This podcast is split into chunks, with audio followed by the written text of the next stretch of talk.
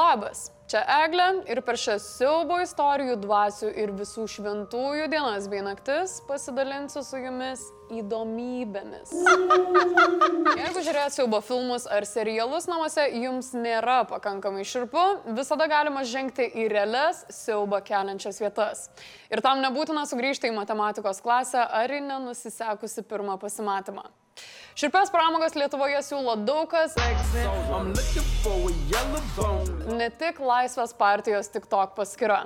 Pavyzdžiui, pramogų ir poilsio parkas Adomaitinė, kuris lankytojams žada pokalbį su šmėkla, tikro kirvio svaidimą, akistatą su miško vaiduokliais ir dar daug ekspozicijų. Sušalę ar iš baimės drebantis svečiai galės susišildyti moliūgų sriubą su tikromis vištų kojomis, nes taip šiemet šildytis pigiau. Į siaubo miestelį kviečia ir Biržų rajone įsikūręs Kirkilų pramogų parkas. Bei įvairiausių siaubo miestelio eksponatų lankytojai galės išbandyti savo drąsą ir siaubo name. O ten tikrai nejauku.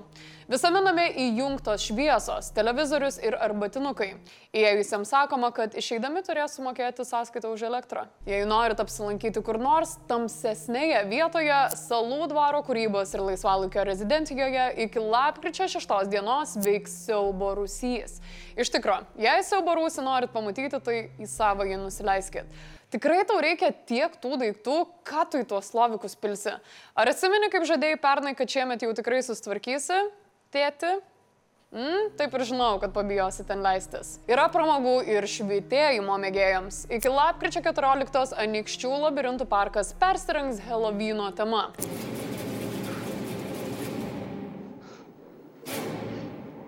Nepažadu, kad kažkaip panašiai atrodys, bet manau bus ne ką mažiau krūpu.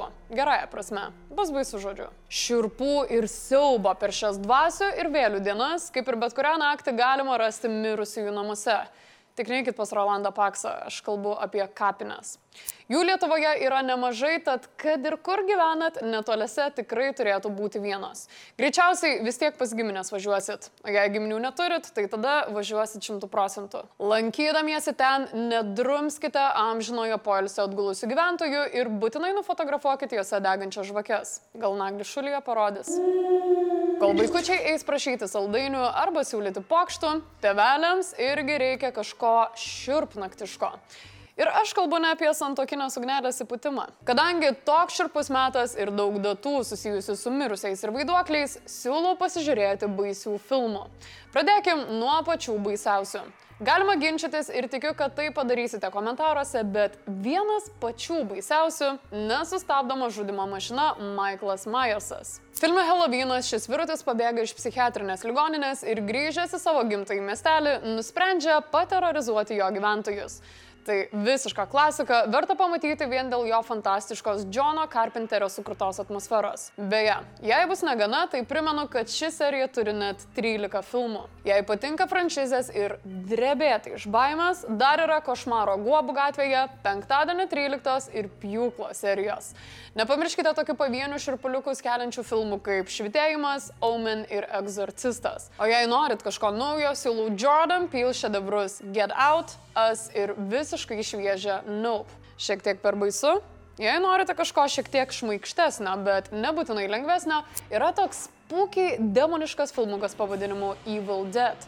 Tai kultinė franšizė idealiai supynusi siaubą ir komediją. Dar verta paminėti į lengvesnių filmų sąrašą Haunted Mansion su Edžiu Murphy, Beetlejuice, kur be ne pirmą kartą būsite ne žmonių, o vaiduoklių pusėje, bei jokingai baisų filmą su Bruce Willis Death Becomes Her. Norite dar lengvesnio reikalo? Tada su Hokus Pokus suklysti neįmanoma. Oh, look. Another glorious morning. Daugybė tyrimų sako, jis yra žmonių mėgstamiausias širpnakties filmas. Visai šeimai skirtoje komedijoje paauglys netyčia per Helovyną prikelia tris 17 amžiuje nužudytas raganas. Jei šeima reikalaus dar, rekomenduoju animacinį Timo Bertono Caroline, dvi klasikinės dalis vaiduoklių medžiotojų ir modernų perdirbinį iš praėjusių metų. Dar yra Adamsų šeiminėlė, kurią tikrai žino visi, šiltas ir mielas Hubby Halloween su Adamu Sandleriu, na ir dar vienas Bertonas. Bertono kūrinys Edvardas Žirklė rankis. Beje, mano asmeninis pats geriausias Helovino filmas yra Koko. Ką manote apie mano visas šias rekomendacijas? Gal turite geresnį savo variantą? Parašykit man komentaruose ir visi žiūrėsim. Kraupios ir kraujas tingdančios istorijos ne visada įvyksta per Helovyną ar visų šventųjų naktį. Tačiau istorijos, kurias papasakosiu dabar, nutiko būtent šiomis dienomis. Lietuvoje Helovyno tradicija vaikams eiti nuo durų iki durų ir reketuoti žmonės dėl saldainių neprigijo. Tačiau Amerikoje ji itin populiari. Deja, Renkant šitiek saldainių kasmet, vienas iš jų gali papulti nuodingas. Būtent taip nutiko Timočiui O'Brienui, kuris 74-aisiais apsinuodijo per Helovyną gautų saldainių. Dar liūdniau yra tai, kad saldainį jam davė Timočio tėvas, labai jau norėjęs gauti draudimo išmoką. Nežinau, ar kažko šį istoriją pamoko. Kaip sakė Dvaitas, lesson, Ryan. Tiesa, aukomis ne visada tampa tie, kurie prašo saldainių.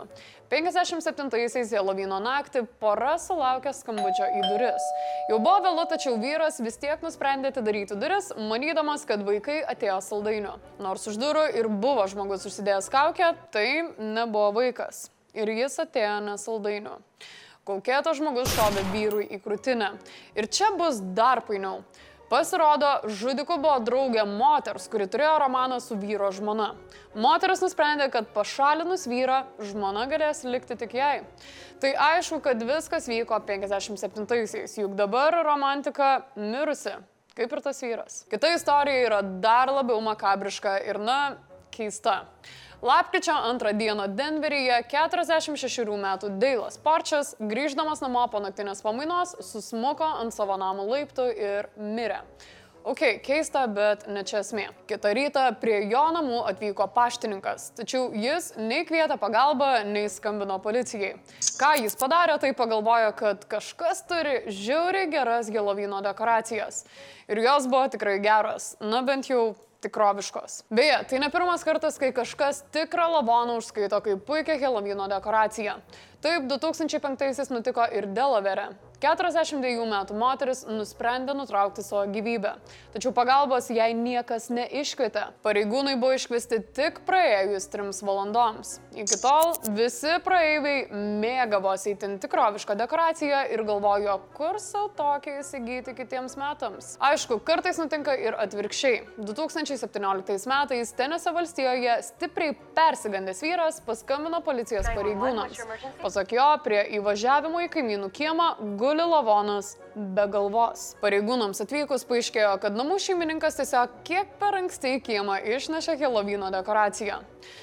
Galėtų jau greičiau kalėdos ateiti, tos dekoracijos man kur kas labiau patinka.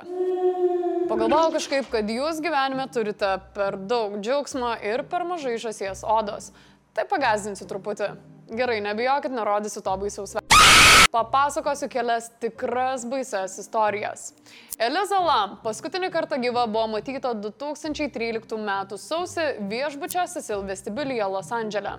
Ji čia atostogavo ir kiekvieną dieną susisiekdavo su tėvais. Sausio 31 dieną skambučiai nutrūko, o Eliza dingo. Kai policija peržiūrėjo viešbučio lifto kameros įrašus, pamatė, kad Eliza lifte nuo kažko slėpėsi. Kalbėjosi su nematomu žmogumi ir elgėsi labai keistai. Tuo pat metu viešbučio svečiai pradėjo skūstis keisto skonio vandeniu iš krano, bėgančia juoda srove. Kai viešbučio darbuotojas užlipo ant stogo apžiūrėti vandens talpyklą, jis joje rado įrantį nuogą Elizos kūną. Apie šią istoriją yra išleista Netflix dokumentika. Kita istorija nukelia mus į 1986-uosius. Mergina vardu Annie Andrews išėjo į pasimatymą su Danny Laplantu. Kadangi Denis save apibūdino kaip dailų atletą, o realybėje pasirodė nelabai tvarkingas, ne atletas, Ene daugiau su juo nesusitiko. Tačiau kaip tik tuo metu prasidėjo keisti dalykai. Su seserė surengusios spiritizmo sensą ir norėdamos pasikalbėti su neseniai mirusia mama, jos pradėjo girdėti beldimą sienose.